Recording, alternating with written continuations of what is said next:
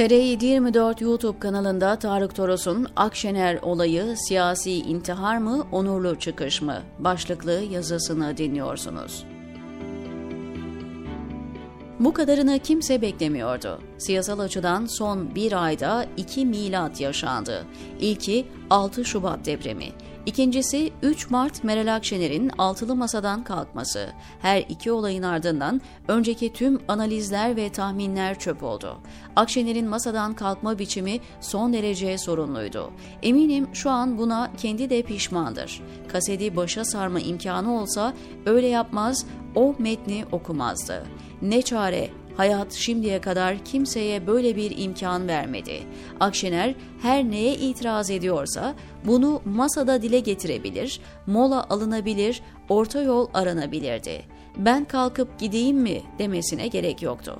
Ortak adayda uzlaşma olmazsa çoklu aday konuşulabilirdi. Rest çekecekse bunu masada yapabilirdi. Bu durumda kriz masanın problemi olurdu hiçbirini yapmadı veya yapmayı düşünmedi. Bilakis sakinleşmiş gibi yaparak ortak Cumhurbaşkanı adayımız konusunda ortak anlayışa ulaştık metnini imzaladı. Sonra uzun gecenin ardından ne varsa kırıp döktü, adeta gemileri yaktı. Üstüne CHP'li iki başkana adaylık çağrısını yaparak büyük bir nezaketsizliğe imza attı. İleride en büyük pişmanlığım diyecek lakin macun tüpten çıktı bir kere. Masayı öfkeyle devirdiği gibi sonrasında görüldü ki ne yapacağını bilmiyor. Mansur Yavaş'tan olur alındığı kulağına fısıldanmış. Bunu teyit etmeden çağrı yaptı. Düşünebiliyor musunuz? Akşener, Kemal Kılıçdaroğlu'nun adaylığına değil, Cumhurbaşkanlığına karşıydı.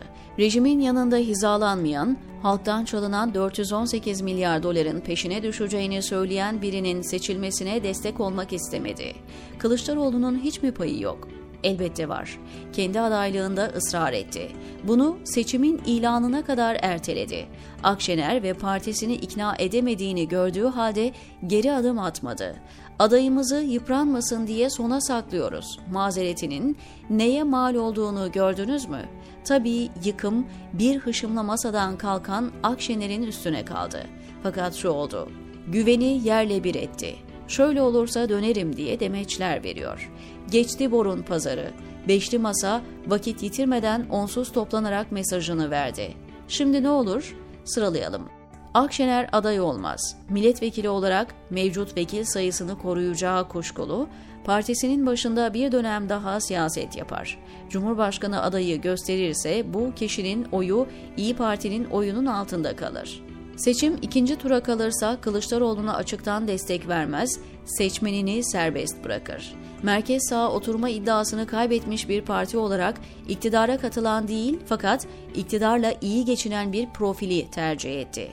Son tahlilde Türkiye muhalefetini küçümsemeyin. Son birkaç gündür psikolojik olarak çökmüş olabilir. İyi tarafı bunun seçimden önce olması. Seçimin ardından atı alan Üsküdar'ı geçmiş oluyor çünkü. Şimdi Kılıçdaroğlu ile Erdoğan arasında muhtemelen iki roundlu bir ölüm kalım savaşı yaşanacak. Artık taraftarlar da bunun farkında. Ya Herro ya Merro diyor Tarık Toros TR724'deki köşesinde.